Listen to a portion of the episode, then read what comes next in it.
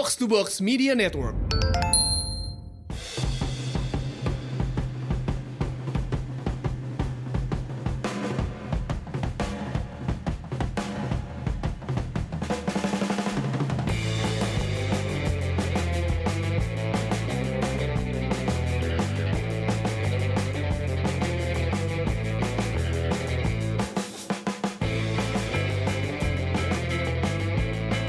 Kembali lagi di podcast Umpan Tarik bersama saya Aun Rahman dan juga rekan saya.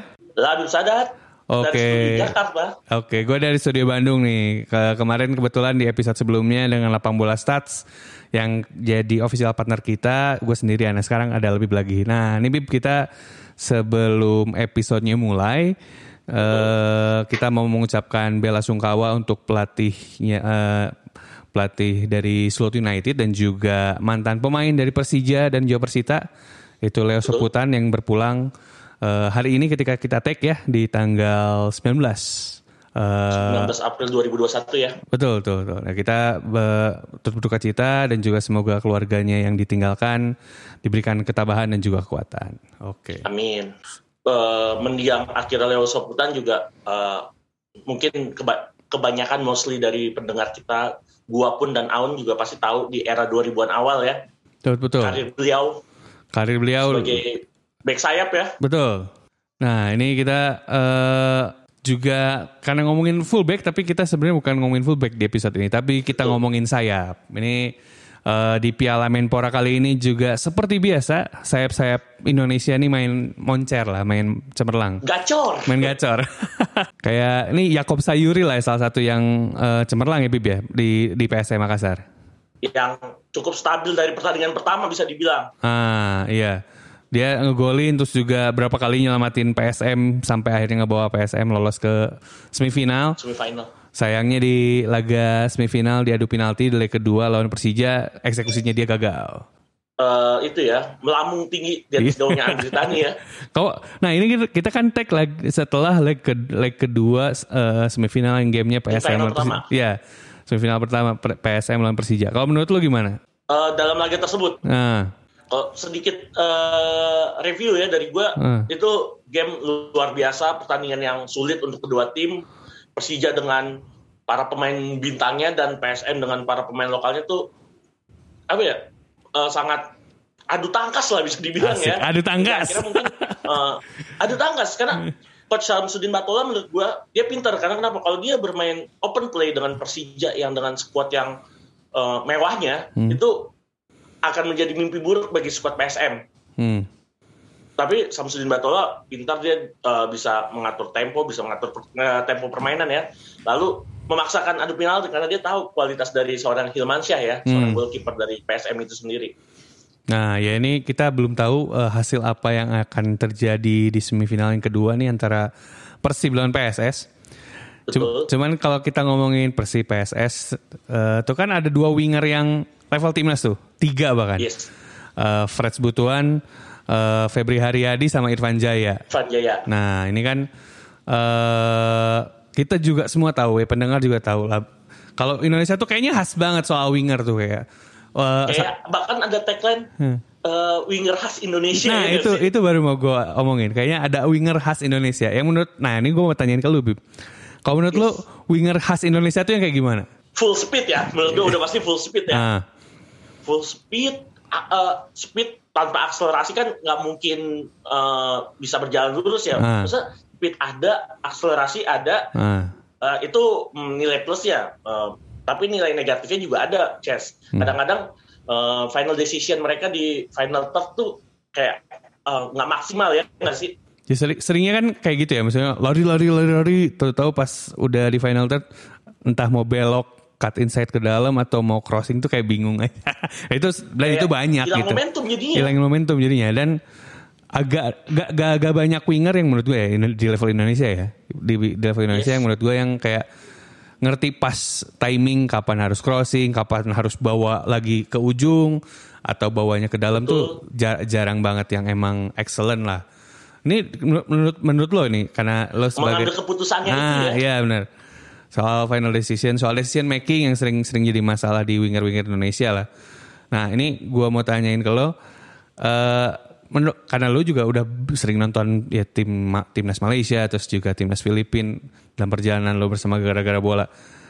Ada bedanya gak sih winger-winger Yes. Indonesia sama winger tim tim lain di Asia Tenggara? Kalau gue uh, misal perbandingan ya dengan Iya. ASEAN aja, Iya. ASEAN ya, ASEAN. uh, contoh uh, terakhir Malaysia waktu mengalahkan kita di Gelar Bung Karno dia kan benar-benar bisa mencetak gol dari uh, dua gol dari salah satu winger yaitu Muhammad Sumare ya. Hmm. Di- dan Thailand pun juga punya winger bagus. Uh, kalau menurut gue kayak Thai- uh, kayak Thailand, Malaysia itu apa ya? Di cuma di satu doang perbedaan mereka di final decision dan uh, mereka ngerti uh, kapan kayak tadi Aun ngomong tuh kapan mereka harus bawa bola, kapan mereka harus uh, shoot atau crossing. Mereka tuh udah tahu Hmm. timingnya. Jadi mereka nggak hilang momentum. Hmm. Jadi mereka nggak ngebuang-ngebuang peluang secara percuma kan karena mungkin momentum di depan gawang atau di sekitar kotak penalti itu kan jarang terjadi ya, mas bukan jarang terjadi sih, nggak selalu terjadi lah. Hmm. Tapi di situ para pemain contoh ya dari Malaysia, Thailand itu bisa memaksimalkannya di situ. Iya ya, karena apa ya? Gua ngerasa kayak Safawi Rashid gitu. Terus juga terus kalau di Thailand mungkin Canatip ya. Kayaknya beda Dan banget. bisa melebar ya. Ya, makanya kayak gua gua gua ngerasa kayak loh kayak beda banget padahal kalau misalnya ngomongin speed, gua ngerasa kayaknya Irfan Jaya tuh jauh lebih speed, Febri lah contoh. Febri itu speednya Febri jauh. jauh pasti Febri speednya. jauh. Febri udah pasti jauh dibanding di atas Safawi itu. Nah, speednya Speed akselerasi. Iya, speed apa speed runningnya tuh pasti jauh lebih tinggi. Nah, makanya yang gua pertanyakan adalah dengan force yang sebesar itu, dengan tenaga yang sebesar itu tuh Yes. kenapa nggak maksimal gitu? Atau apa ya? em, harus ini ya, harus mungkin dilatih ya, ya sih? Bi- kayak gitu ya. Ya, bisa jadi. Bisa jadi latihan, bisa jadi juga ini pengalaman main juga ngaruh nggak sih menurut lo? Kayak kayak kalau oh, pengalaman Ah. kalau pengalaman sih mungkin kayak Febri kayak kita Ah. compare sama Safawi Rashid mereka berada di level yang sama menurut gua Ah. di waktu yang sama mereka eh, berangkat dari tim eh, muda Hmm. timnas masing-masing terus jadi andalan di klub dan timnas tapi pada outputnya di tim senior ya bisa dibilang Safawi agak mungkin di atas Febri sedikit ya. Hmm, ya contohnya di laga Malaysia lawan Indonesia Febri ada beberapa peluangnya nggak? Yang harusnya di shoot ditembak ke gawang Malaysia malah Hmm. dia memaksakan umpan. Hmm, harusnya umpan malah nge-shoot. Mungkin ada lah. Pasti kalau inget di Bukit Jalil tuh padahal harapan publik Indonesia terhadap Febri kan ekspektasinya tinggi ya. Hmm. ya mungkin di faktor latihan sih menurut gua Cuk, faktor dan latihan mental juga mungkin saat pertandingan itu pasti mentality itu ngaruh banget dan mental kalau menurut lu gimana tuh kalau menurut lu Kalau menurut gue sih sebenarnya eh latihan itu ngaruh juga ya. Maksudnya Pasti. latihan yang men- menurut ini tuh adalah dia latihannya kayak gimana gitu untuk mengasah si the final decisionnya dia gitu. Karena sebenarnya makanya gue Yes. bilang makanya tadi gue ajukan soal pengalaman yang namanya final decision tuh terlatihnya itu ya sama sama pengalaman. Maksudnya oh ketika lu ketemu back yang kayak gini lu harus geraknya ke mana? Ke kanan atau ke kiri? Misal nih Febri ketemu sama Bule. Oh Bu- ya misal Bu- eh, sama Rezaldi Hayanusa. Rezaldi itu biasanya kalau marking pasti melebar keluar. Oh berarti gua harus masuk ke dalam harus cut inside. Atau misalnya eh, ketemu Ricky Fajrin. Oh eh, Ricky Fajrin itu biasanya rapat ke dalam. Oh berarti gua harus ngelebar keluar buat ngirim umpan. Nah itu kan pengalaman ya? Nah pengalaman banget. Dan Pengalaman juga banget. tahu lawannya ya. Nah, dari minute iya. play yang dia dapat ya berarti ya. Nah iya maksud gue itu. Makanya mestinya kalau misalnya ini juga gue pertanyaannya justru di Febrinya. Dari dari dari permainan-permainan yang dia alamin ketika dia misalnya lawan Malaysia gitu atau lawan Thailand atau di li- di level liga ketemu Rezaldi ketemu bahkan yang senior gitu Rizky Pora. Ih, dia dia apa ya istilahnya nanemin nanemin di dirinya nggak sih? Kalau oh kalau law- lawannya si ini gue harus gini. Kalau lawannya eh Ricky Fajrin gue harus gini. Kalau lawannya Rizaldi gue harus gini gitu. Apakah sampai kayak gitu atau enggak gitu? Karena kan nggak mungkin kita main kayak misalnya lo main gitu. Kayak ya udah yang penting main gue defaultnya adalah lari lari lari. Gak gitu doang kan? Lo kita harus mikir juga gitu karena gue pernah tapi nanya emang yang namanya permainan kan strategi ya nah itu Mereka- dia yang namanya strategi dia harus tahu maksudnya step satunya step 2 step 3 atau enggak form di gua nggak bisa nih pakai eh, forma eh, step A dan Hmm. harus gue ganti ke step B gitu se- sebaliknya kalau Nah. misalnya masa step B dia pakai step harusnya pemain juga ini ya eh, intelijensinya kepake ya Nah, Maksudnya itu maksud gua. tahu tipe uh, wing, uh, maksudnya fullback banget sama wingback kan berbeda ya CS ya. Kalau Betul, wingback betul. kan dia suka naik. Hmm. Itu yang harus dimanfaatkan dengan minta bola daerah ke gelandang, ke, dari gelandang tengah maksud gua. Hmm. Atau enggak yang tipe fullback. Fullback dia benar-benar menjaga sisi kiri pertahanan uh, pertahanan pertahanannya. Hmm. Dia harus tahu tuh dia harus berani apa? Berani ajak ijik lah bahasanya. Iya. Lawan one by one lah. Ya, itu dia makanya kayak Ajak ijik. ajak ijik lu bahasa lu ajak ijik banget. nah, ini makanya ini Tapi nggak nggak Febri aja ya. Iya, Eh, ini- ini contoh, eh, contoh. Indonesia yang sekarang-sekarang lah. Nah, iya, karena sering banget kayak Yakob Sayuri aja yang contoh yang tadi lah kita omongin. Dia kan akhirnya lumayan frustasi tuh am- sampai pindah sisi akhirnya. Sama kayak Yes. Rico juga gitu juga kan. Di kanan dia dihantamin terus sama eh di kiri dihantamin terus sama eh, Abdurrahman. Abdurrahman. Pindahlah ke kanan. Di kanan dihantemin juga sama Zulkifli. Makanya menurut gua kayak emang mungkin juga apa ya kompleks lah. Karena gua nggak gua gua main nggak pernah jadi winger. Gua tuh kan jadi jadi center back. Makanya gua gua agak bingung ketika misalnya ditanya apakah main winger itu gampang atau enggak. Sebenarnya kayaknya nggak nggak juga gitu. Nggak nggak cuma sekedar lari doang gitu. Kayak banyak hal yang harus lo pikirin juga gitu. Kapan harus eh, lari, kapan harus ngumpan, kapan harus cut inside dan itu nggak segampang itu doang gitu kayak Betul. mungkin juga harus em benar mungkin harus dilatih dengan benar-benar dilatih oh gerak tuh harus ke sini. Karena kalau kita kaitin sama olahraga US nih gue pernah nge-tweet juga mungkin winger sepak bola tuh harus harus belajar rute lari istilahnya kalau di American football tuh buat Yes. ra- running back sama sama wide receiver. Itu jadinya mereka tuh tahu kalau bolanya jenisnya gini mereka harus larinya ke mana. Nah nanti lama-lama instingnya berub instingnya ngikut jadinya tapi juga kan, tadi kan kita udah nyebutin nih banyak banget Irfan Jaya, ya eh, Rico, Febri. Febri. Ini gue pengen tahu pendapat lo nih. Kan kita punya banyak winger ya. Tadi kita udah sebutin Irfan Jaya, Febri, Rico. Betul. eh, banyak lah. Nah menurut lo apa sih hal yang bikin Indonesia kemudian punya banyak winger gitu? Kalau misalkan kayak gue sih kalau gue ya kalau secara apa ya secara simpelnya tuh mungkin eh, faktor fisik dan faktor alam yang mempengaruhi kenapa sih Indonesia punya pemain-pemain speed yang bagus ya di posisi winger ya. Contoh eh, Indonesia tuh terkenal banget yang kayak, kayak tadi kita bilang di awal winger khas Indonesia. Ada di Malaysia Super League eh, pernah ada nama Eli Aiboy, Ilham Mudin, Andik dan yang terbaru Sadil secara fisik mereka semua dan winger-winger yang kita sebut sebelumnya itu memiliki fisik dan postur yang kurang lebih sama ya Hmm. dari Rico mungkin Febri uh, Andi uh, Eli uh, mungkin mereka punya fisik yang sama. Uh, terus mungkin faktor alam mereka juga udah terbiasa dengan kondisi suhu yang panas ya. Jadi apa ya mempengaruhi suhu tubuh juga. Jadi mereka apa ya bisa uh, ya jadi mobilitas mereka tinggi lah kalau menurut gua. Ah oke oke. Karena kalau lu gimana? Gue tadi sepakat sama lu yang soal terutama soal ini ya soal eh faktor alam dan juga ya fak fisik ya faktor alam dan fisik yang kemudian ngaruh ke gaya main si wing apa eh, sayap Indonesia ini. Karena gue pernah baca eh, tulisannya Mas Dalipin Sir Joseph Griffin. Yes. Eh, Mas Yusuf da, Sir Joseph Griffin, Mas Yusuf Arifin dia bilang eh sebenarnya dia lagi ngomentarin soal kick and rush sebenarnya. wow. Jadi menurut dia kenapa di Inggris tuh kick and rush? Karena dingin di sana. Jadi orang harus gerak terus, harus lari, harus gerak, Oke. harus gerak terus. Nah itu makanya mungkin itu juga yang ngaruh dan mungkin juga eh, jawaban lo benar Bib. Maksudnya karena di, di kita ini tropis kan panas, kita tuh harus lari gitu. Jadi akhirnya Betul. eh apa akhirnya orang tuh terbiasa lari apalagi kan kita tuh banyak gunung ya gunung Iya. bu- maksudnya bukan bukan jalanan yang jalanan yang rata lah kita juga udah sering dengar banget cerita di daerah terutama orang eh, harus nempuh sekolah 2 km tapi sambil lari gitu. Karena gak ada akses jalan harus lewatin lembah lewatin hutan. Nah itu kan itu juga mungkin yang bikin winger-winger jadinya kita punya banyak winger punya banyak pelari cepat. Karena kalau dihitung kayaknya dari barat sampai timur tuh pelari cepat tuh ada aja gitu. Gak gak gak cuman Ada banyak, banyak, ba- banyak banget gitu. Makanya gak gak cuman misalnya satu provinsi atau satu daerah doang yang punya pelari cepat. Kayaknya gue yakin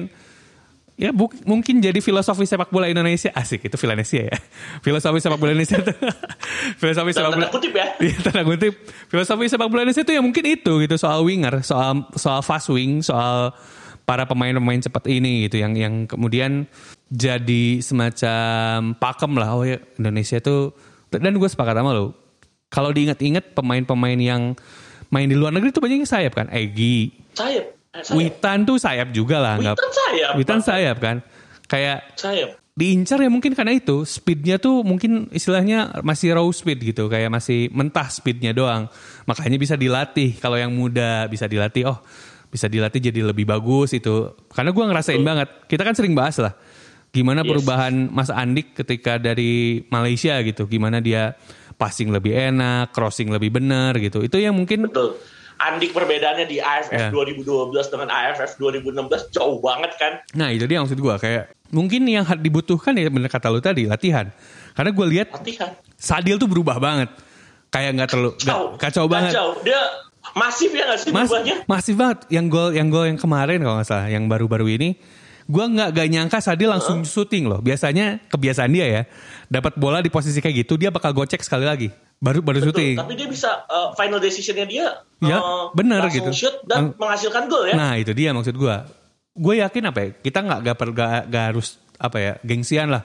Ah ngapain ke Malaysia itu juga udah basi lah. Dan menurut gua permainan pemain-pemain yang hengkang ke Asia Tenggara juga berubah mainnya bagus banget dan termasuk para winger Apalagi, ini. uh, selain ya kita agak intermezzo sedikit kayak kayak tadi perubahan tuh nggak winger aja bahkan kayak Ryuji dan Yanto Basda juga terlihat perbedaannya loh. Benar benar benar benar. benar. Makanya gua ngerasa yang mungkin bener bener, bener kata lo Bib, yang dibutuhin adalah pelatih yang benar gitu, pelatih yang Betul, pas. latihan dari pelatih yang oke. Ya pelatih yang oke gitu. Apa apakah misalkan eh, pelatih khusus atau enggak emang pelatih kepalanya ngerti gitu. Karena gua ngerasa Fred tuh berubah banget sejak sama Robert Freds. Albert. Yes, Freds Freds tuh- jadi Wow banget. minute play-nya banyak ya. Ya minute play-nya banyak dan kayak wah dia bisa kayak gini ternyata. ya bisa dipasang jadi Betul, luar penyerang biasa. gitu. Apalagi dia kan dulu sempat bermain di Medan ya. Nah ya kayak orang kan Tapi emang gue lihat eh, di Medan pun nih udah tahu, gue udah punya eh, gambaran kalau uh, Fred Listianto Butuan ini bakal jadi winger oke nih di Nah. eh, Indonesia. Tapi dengan satu catatan, dia mendapatkan pelatih yang benar-benar tahu kualitasnya dia. ya sepakat. Tahu nih, Butuan bakal dibawa ke mana. Nah, Di bawah tangan Rene Robert Albert, bahkan eh, Febri kayak menemukan second chance. ya Kayak contoh terakhir, bahkan di pertandingan terakhirnya dia, dia mencetak dua assist ya. betul betul betul. Ya. Lawan PSS di semifinal. Gua ngerasa Febri pun seben- walaupun masih ada penyakitnya dia ya kayak tiba-tiba itu ada ekspektasinya karena dari muda melihat Febri itu udah oke banget ya Oh iya makanya. Kayak dia masih ada penyakit penyakitnya Febri itu cuma satu, final decision doang. Ketika dia final decision tapi kalau dia lagi lagi ngerti final decisionnya, maksudnya final decision lagi bagus, wah udah wow lah itu udah. di tiga pertandingan awal Liga 1 2020 tuh final decision yang Febri tuh bagus-bagus Nah iya bener. Walaupun akhirnya tiga berhenti ya, terus gue pikir kan, wah nih Febri udah ngerti nih, udah ngerti dia harus harus ngapain. Eh balik lagi pas Piala Menpora, ya gitu lagi nih orang.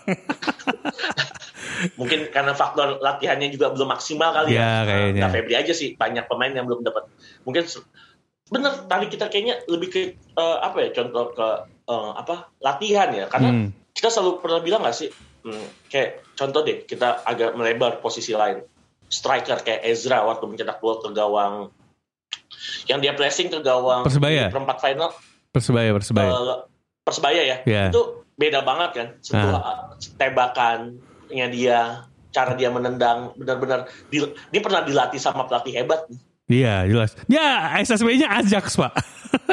nah itu Itu. gue sepakat dia Ah. berangkat dari juniornya Jong Ajax Ah. bukan SSB aja bahkan dia udah masuk tim Jong Ajax Nah itu dia. Itu kan beda latihannya pak. dia dapat pelatihan yang oke Nah itu dia. La- dia- la- latihannya beda pak. di Van de Beek Oh iya gila loh. Kalau kalau Ezra posting yang ng- ngomentarin Donny van de Beek, Matis Delit, wah gila sih udah. si ini kalau nggak Frankie De Jong. Frankie De Jong, kayak, wah ini orang gokil gokil. Gokil. kayak, kayak ini anak ke mana sih? Lu, lu main di mana sih? Itu mungkin pikirannya Delik De Jong Van de Beek kan kayak gua di MU di ini. Ezra lu main di mana sih kita balik lagi ke winger nih tadi intermezzo Intermezzo aja. Nah, nah intermezzo aja sebenarnya bahkan Ezra tuh gue pernah baca-baca eh, dia tuh winger sebenarnya cuman emang karena eh cocok buat main eh iya cocok buat main striker penyerang sayap ya penyerang sayap nggak salah sebenarnya sebenarnya penyerang sayap Iya. dia Tapi akhirnya justru dia mulai main jadi sayap lagi di Indonesia. Waktu waktu Betul di PSM ya waktu di PSM ya. tuh udah akhirnya mulai main lagi di jadi jadi winger. Di timnas seingat gue jadi main jadi striker tuh sebenarnya. Sebenarnya karena padahal Iya, sebenarnya dia sayap. Games 2017. Betul. Makanya dia gua gua agak kaget ketika Ezra Walian yang gua tahu ya maksudnya dari FM dari ini Iya. pesan gua winger deh. Lah mainnya jadi striker di timnas tapi ya fine dan emang bagus fine fine aja kan. Dan Yes. mungkin Robert Albert ini ya coach Robert ini akhirnya sebenarnya walaupun 4-4-2 dengan Ezra ditandemin sama Wander kalau misalnya teman-teman pendengar lihat lagi si Ezra ini sebenarnya juga melebar sebenarnya maksudnya gak stay di belakangnya Wander gitu lebih lebih sering melebar lebih sering bahkan lebih sering bergerak di sayap kiri kalau nggak salah biasanya tukeran sama Ya, seperti eh, buka ruang ya. Ya Buat buka ruang. juga. Nah biasanya geraknya bareng sama Freds biasanya. Fredsnya ke tengah, Ezra-nya melebar. Itu sering kejadiannya kayak gitu. Atau sebaliknya. Atau sebaliknya. Nah ini gue juga jadi mempertanyakan. Ini kan wing play ini sering banget dimainin sama tim Indonesia lah. Banyak, Banyak, banget. Banyak banget yang pasti. Nah, 352 itu berarti pakai wing ya. Ya pasti. Dan yang ya, di, di, di masa 352 itu ketika di 90-an dan 2000-an itu kan yang terkenal winger-winger ya. Ya Warobai, terus juga Eli pun ter- Winger, winger, Kita winger. bahkan Gi- Giman Nurjaman, Ya. Uci Sanusi, Iya. Girono juga winger itu. Nah itu makanya. Wah Mahyadi Pangabean, terus Haji Ridwan yang pernah kita interview juga kan winger kan. Nah itu kayaknya kayaknya lebih lebih banyak winger yang kita kenal gitu ketimbang posisi lain. Bener. Nah ini eh, gua mau nanya sama lo adalah apakah main winger itu emang lebih gampang? Makanya kita juga punya banyak winger dibanding pakai skema lain gitu misalnya misalnya kayak anggaplah kayak tiki taka eh, pokoknya ya oke lah tiki taka terus atau enggak yang lain lah wing play itu lebih gampang gitu istilahnya Kalau menurut gue sih karena Indonesia melimpah wingernya, jadi para pelatih maksimalkan winger tersebut hingga akhirnya dijadikan sistem permainan. ah oke oke Bukan oke. karena sistem permainan itu yang menghasilkan winger, tapi karena winger itu Lebih menghasilkan sistem permainan. oke Setelah era 352, kedatangan Peter White itu akhirnya mendatangkan apa formasi 442 yang di mana para winger akhirnya dibutuhkan. hmm oke oke oke itu tapi ini jawaban Lab- Labib, Labib ini bagus juga benar eh, teman-teman pendengar. Karena kalau gua pribadi merasa eh, kita kita tuh pakai winger karena eh lebih gampang aja mainnya gitu. Kayak ya kan berarti dari tengah tinggal geser ke kiri dari tengah tinggal geser kanan ketimbang kalau misalnya kita pakai bola-bola pendek gitu misalnya Di kita kan Ya, misal tiki taka gitu kayak ri- kayak ribet aja ntar istilahnya wah pusing gua ntar harus geraknya ke mana. Sebenarnya kan kalau pakai winger pilihannya adalah ketika lu tinggal maju maju. Kalau harus cut inside cut inside. kalau misalnya harus melebar. hingga akhirnya meng- menghasilkan long ball apa sistem permainan long ball ya. Ya, itu makanya maksud gua itu Ap- makanya mungkin munculnya long ball itu ya karena lebih kerasa lebih mudah, lebih simpel aja, gak, gak ribet ya. Simple. Tiga operan langsung ada di depan, tiga operan ada di depan karena gue jarang ketemu tim yang bener-bener kayak sabar, sampai ke belakang dulu gitu, sampai sampai santai dulu. Karena seringnya gue lihat kalau per- di, di bola Indonesia ya, di bola Indonesia tuh ketika Yes. misalnya lagi nyerang, gimana caranya bolanya harus nyampe ke gawang gitu. Entah itu jadi shot on target atau melayang nggak apa-apa, yang penting ke depan dulu bolanya gitu. Kalau Nyampe gawang dulu Iya, ya. nyampe gawang. depan gawang ya. nyampe depan gawang sebenarnya kan kalau kita lihat di Eropa tuh nggak gitu gitu Bib kayak kadang walaupun Yes.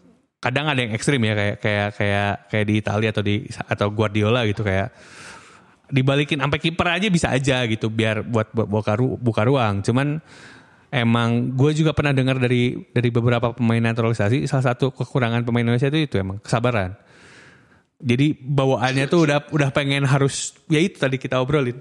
Udah harus nyampe gawang gitu. Padahal kan bisa dioper dulu ke belakang bisa buka ruang dulu. Buru-buru ya buru-buru gitu. ya. nah iya. Karena salah satunya di Diego Misel sebenarnya yang jadi fullback dia. Dia bilang gue suka aneh sama sayap Indonesia adalah ketika udah dekat kotak penalti bawaannya tuh udah pengen crossing gitu padahal dia bisa santai dulu nunggu fullbacknya naik dan yang yang kayak gitu tuh jarang Eh, gitu. apa jadi adanya support fullback itu penting juga ya Nah, ya. itu dia makanya. Nah, yang ngomongin fullback nih, kita ini Yes. gua gua eh, melihat eh, Marco Mota ini kelas banget. Maksudnya eh Bisa dibilang ya, Iya. secara objektif dia kelas. kelas banget ya. Maksudnya mungkin karena pengalaman ya, dia pemain di Serie A gitu.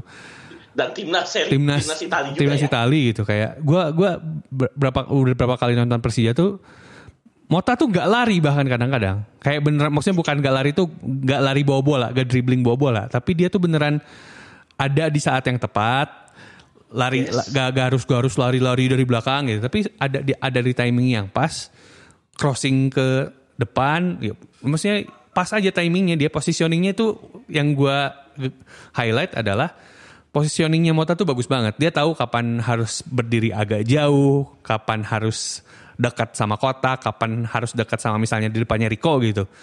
Kapan gitunya tuh dia wah dia spesial banget. Makanya mestinya banyak banget Ya, yang right man in the right time ya. Nah itu dia. Mestinya banyak banget fullback yang harus apa ya dapat pelajaran lah. Walaupun misalnya bukan main di Persija ya dengan lihat Mota main nih menurut gua mereka harusnya dapat banyak banget ya insight oh main fullback tuh kayak Insight, gini ya. main, main fullback tuh gini nih gitu kayak diajarin banget sih menurut gua emang eh, apa ya kayak tadi kita balik ke awal tuh Ah. eh, kalau misalnya Indonesia dapat pelatihan yang terbaik kayak kan kita tahu Eropa tuh kiblatnya sepak bola dunia bisa dibilang Hmm. kan.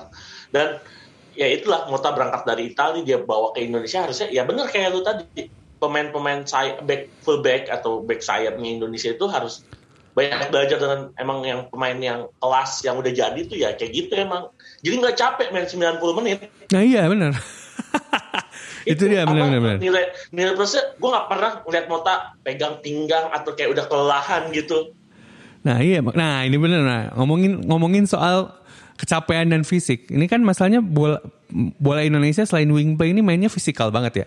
Kita harus Banget, akui itu. banget, banget. Mainnya duel, main lar, adu lari, main eh eh, duel ya tabrak-tabrak gitu. Makanya ya iya benar wing tuh bakal bakal kepake banget, tapi wing kayak yang kayak gimana dulu gitu. Karena si Paul. Paulo Sergio tuh winger kan sebenarnya. Cuman akhirnya jadi gelandang serang karena mungkin emang nggak cocok main. AMF ya Ya, karena mungkin nggak cocok main wing di Indonesia gitu. Gila dia main wing di Indonesia, pasti diajak lari terus, pasti fix.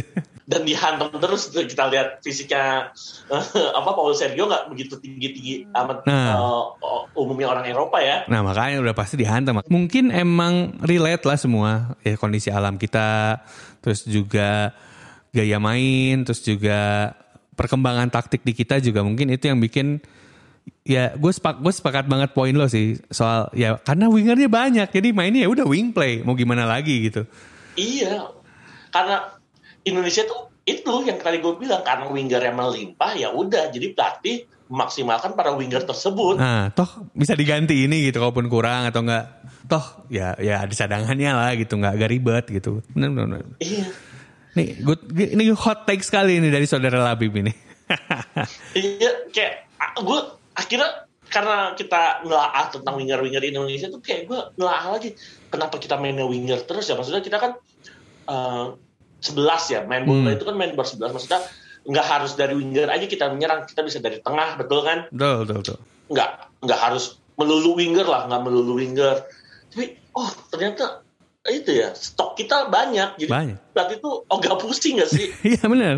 Tinggal milih mana mana winger yang Bahkan- pas buat gua gitu. gue gue kan juga s- selain nggak apa mm, podcast bola gini kan gue juga masih ngelatih tim fakultas gue ya di UI ya Ah, oke.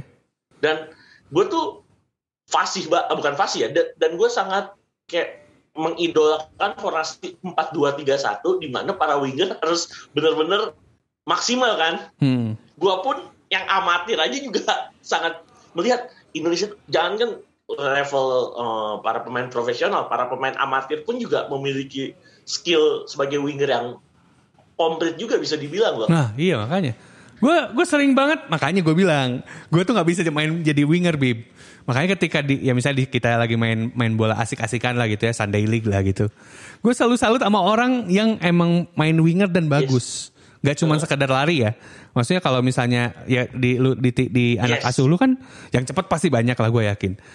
Tapi kan gak semuanya main winger jadi bagus gitu. Makanya gue gue selalu salut kalau ada orang Yes. main winger dan bagus banget dan kayak wah anjir the best sih. Makanya dia pasti jadi bintang pertandingan yakin gue. Nah, ini kita kan dari tadi udah ngomongin sayap Indonesia dari awal sampai akhir. Eh, terus kenapa alasan Yes. alasan kenapa Indonesia tuh produs produksi sayapnya gila-gilaan, terus apa yang menyebabkannya dan tadi Tech Delaby bagus banget, parah banget. Tech Delaby bagus banget yang soal ya mungkin karena emang sayapnya melimpah. Nah, ini gua sama Labib kayak mau bikin roster lah. Oke. Nah, ini tadi kan eh, gue sama Labib udah ngomongin eh, winger-winger Indonesia lah dan apa yang hal hal apa yang kemudian bikin Indonesia tuh berlimpah banget wingernya. Nih gue sama Labib buat nutup episode ini kita mau milih eh, berapa Bib? 5 atau 10 Bib? 5 aja kali ya. 5, 10 terlalu banyak kayaknya. 5 winger sepanjang masa eh, di Indonesia versi gue sama Labib dan alasan-alasannya. Lu dulu Bib. Pertama, Satu-satu dulu apa gue langsung 5? eh, Satu-satu ya? satu-satu aja dulu. Oke. Gue LA Boy pertama. Alasannya apa tuh? Alasannya punya visi yang oke, Hmm. speed dan teknik yang komplit menurut gue sebagai winger Indonesia. Mantap. Iya sih. Eli, Eli itu favorit memang. Eh, Kelasnya dia ya. favorit siapa pun pelatihnya Eli pasti bakal kepake banget. Ah, iya. iya, iya. Kalau gua pertama itu siapa ya? Jadi mikir gua. Pertama kayaknya Haji Ridwan kok gua. Karena Haji Ridwan. Alasan simpelnya. alasan simpelnya adalah karena menurut gua nggak ribet mainnya, sederhana aja gitu kayak dan efektif. Dia itu efektif banget. Efektif banget. Maksudnya Oh iya. gak, gak banyak gak banyak gocek ya efektif aja per- dari pergerakan dari gimana dia crossing dari dia eh, masuk a- ngerangsek ke area tengah tuh oke banget lah gitu kedua Haji siapa Bib? Ridwan favorit, memang favorit. Kedua siapa Bib? Gua yang kedua M Ilham. Wih mantap Emilham 81 Underrated nih nih. Ex pemain Persikota, Persija dan Persib ya. Iya gimana gitu Kalau gua sih dia selain punya speed yang oke, ini dia pekerja keras juga. nah, oke. Enggan eh, nilai plusnya dia tuh enggan menyerah dalam keadaan. Maksudnya ditekan para back tuh dia nggak nggak gampang eh, nggak cepet-cepet ngambil keputusan dia tahu eh, dia harus cut back atau dia harus masih bisa bawa bola. ah oke oke oke kalau gua nomor dua Mahyadi Panggabean Beuh, Ini kita bicara winger sebenarnya, karena dia winger sebenarnya. Cuman kan akhirnya ketika ketika eh, permainannya, Piala Asia 2007. ya Piala Asia 2007 dan juga kemudian formasi 4 back eh, dipakai, akhirnya dia jadi full back ya. Cuman sebenarnya kan kita kalau ya, generasi gua sama Labib nonton Mahyadi itu ya jadi winger dia di PSM tuh Di gitu. posisi 352 Ah. itu jadi wingback kiri. Ya, di- Asal para pendengar tahu nih. ya makanya jadi gua taunya tuh di flank kiri itu ya Mahyadi Pangabean dan ya makanya dia dia menurut gua karena crossingnya bagus, pergerakannya juga oke, free kicknya juga Spesial, bagus. left nah, foot. ya left foot loh makanya, buh, oke oke banget sih. Selanjutnya siapa Bib? Rico Simanjuntak gua. oke, alasannya? alasannya dia oh ya walaupun dia maksudnya crossingnya nggak terlalu bagus tapi kadang-kadang a- suka jitu loh Hmm. Eh, beberapa kali ke eh, di klub ya terutama eh, Simic tuh dia eh, umpan-umpan eh, short passnya dia tuh tepat Eh, cutbacknya atau eh, umpan ke eh, second line tuh dia eh, timingnya tepat dan akhirnya menghasilkan gol buat Persija beberapa kali asisnya juga oke kok dia dan pergerakannya juga luar biasa ya Nah iya, gue sepakat. Rico tuh termasuk pemain Indonesia yang spesial sebenarnya. Dan eh iya, ya nggak nggak melulu soal speed doang gitu. Pergerakan dia tuh bagus banget juga. Dan gue pernah pernah dengar juga dari beberapa pemain emang ngehentiin Rico tuh susah. Emang harus dipelanggar, harus dilanggar. Kayak lu cuman ngambil nyodok nyodok gitu doang tuh itu impossible katanya. Wasit wasit bilang nggak pelanggaran tuh ya jarang aja gitu. bahkan eh, kita tahu gue dapat info dari Mas Tio yang waktu itu eh, mewakili salah satu eh, media pas eh, ngeliput AFF 2018 back timnas Thailand tuh nggak ada apa-apanya melawan Rico Makanya berarti emang emang spesial banget Rico tuh. Nah, ini karena kita ngebawa Mas Tio juga. Gua ngerasa Yes. Saat nomor, nomor yang nomor tiga itu gua Febri kayaknya. Dengan Febri Bow. Febri Bow dengan segala potensinya dia, dengan dia ngegolin di debut dia buat segala Persib. atributnya dia Ya, makanya dengan segala atributnya dia dia sebenarnya spesial sih untuk level Indonesia tuh dia spesial sebenarnya. Cuman emang eh, dan pelatih-pelatih ya Sintayong juga Eh, bilang level ASEAN juga dia masih spesial. spesial makanya. Dia kesayangannya Luis Milla bahkan kan katanya. Makanya sebenarnya emang tinggal butuh dari dianya banget, juga. banget pas dipasang. Wah pasti pasang tuh favoritnya Mila banget kan Mak. Makanya ini gua merasa Febri ini cuman butuh mungkin mungkin ya mungkin pengalaman maksudnya tuh jam mainnya lebih banyak dia makin dewasa makin ngerti oh main tuh gini gitu oh Yes. Kita tuh nggak gak mesti harus langsung hajar hajar hajar tembak tembak tembak langsung. Emang ya ada beberapa waktu emang oh harus gerak dulu harus kasih dulu ke kawan gitu harus. Sebenarnya ya gue masih merasa Febri bakal bakal mencapai top level sih. Kalau gue masih percaya itu ya. Maksudnya bakal jadi pemain yang sangat sangat ber- berguna. ya. masih 24 25 ya. Ya, dua empat lima nih masih ada dua dua tiga tahun, bah, bah, masih ada bah, masih banyak waktu banget lah intinya buat dia jadi pemain yang lebih bagus lagi. Oke, Iya. nomor empat buat lu siapa, Bib? Mas Andik gue. Mas Ande. Kenapa tuh? Mas Andi udah Mas Andik di era 2013 sampai 2017 terbaik dia. Ah iya iya, iya. gue sepakat sepakat sepakat. Waktu main di Selangor tuh emang spesial sih. Waktu main di Selangor tuh spesial. Spesial ya. Spesial. Dan dia itu benar-benar jadi rohnya Selangor ya. Iya. Di sisi sayap. Di sayap.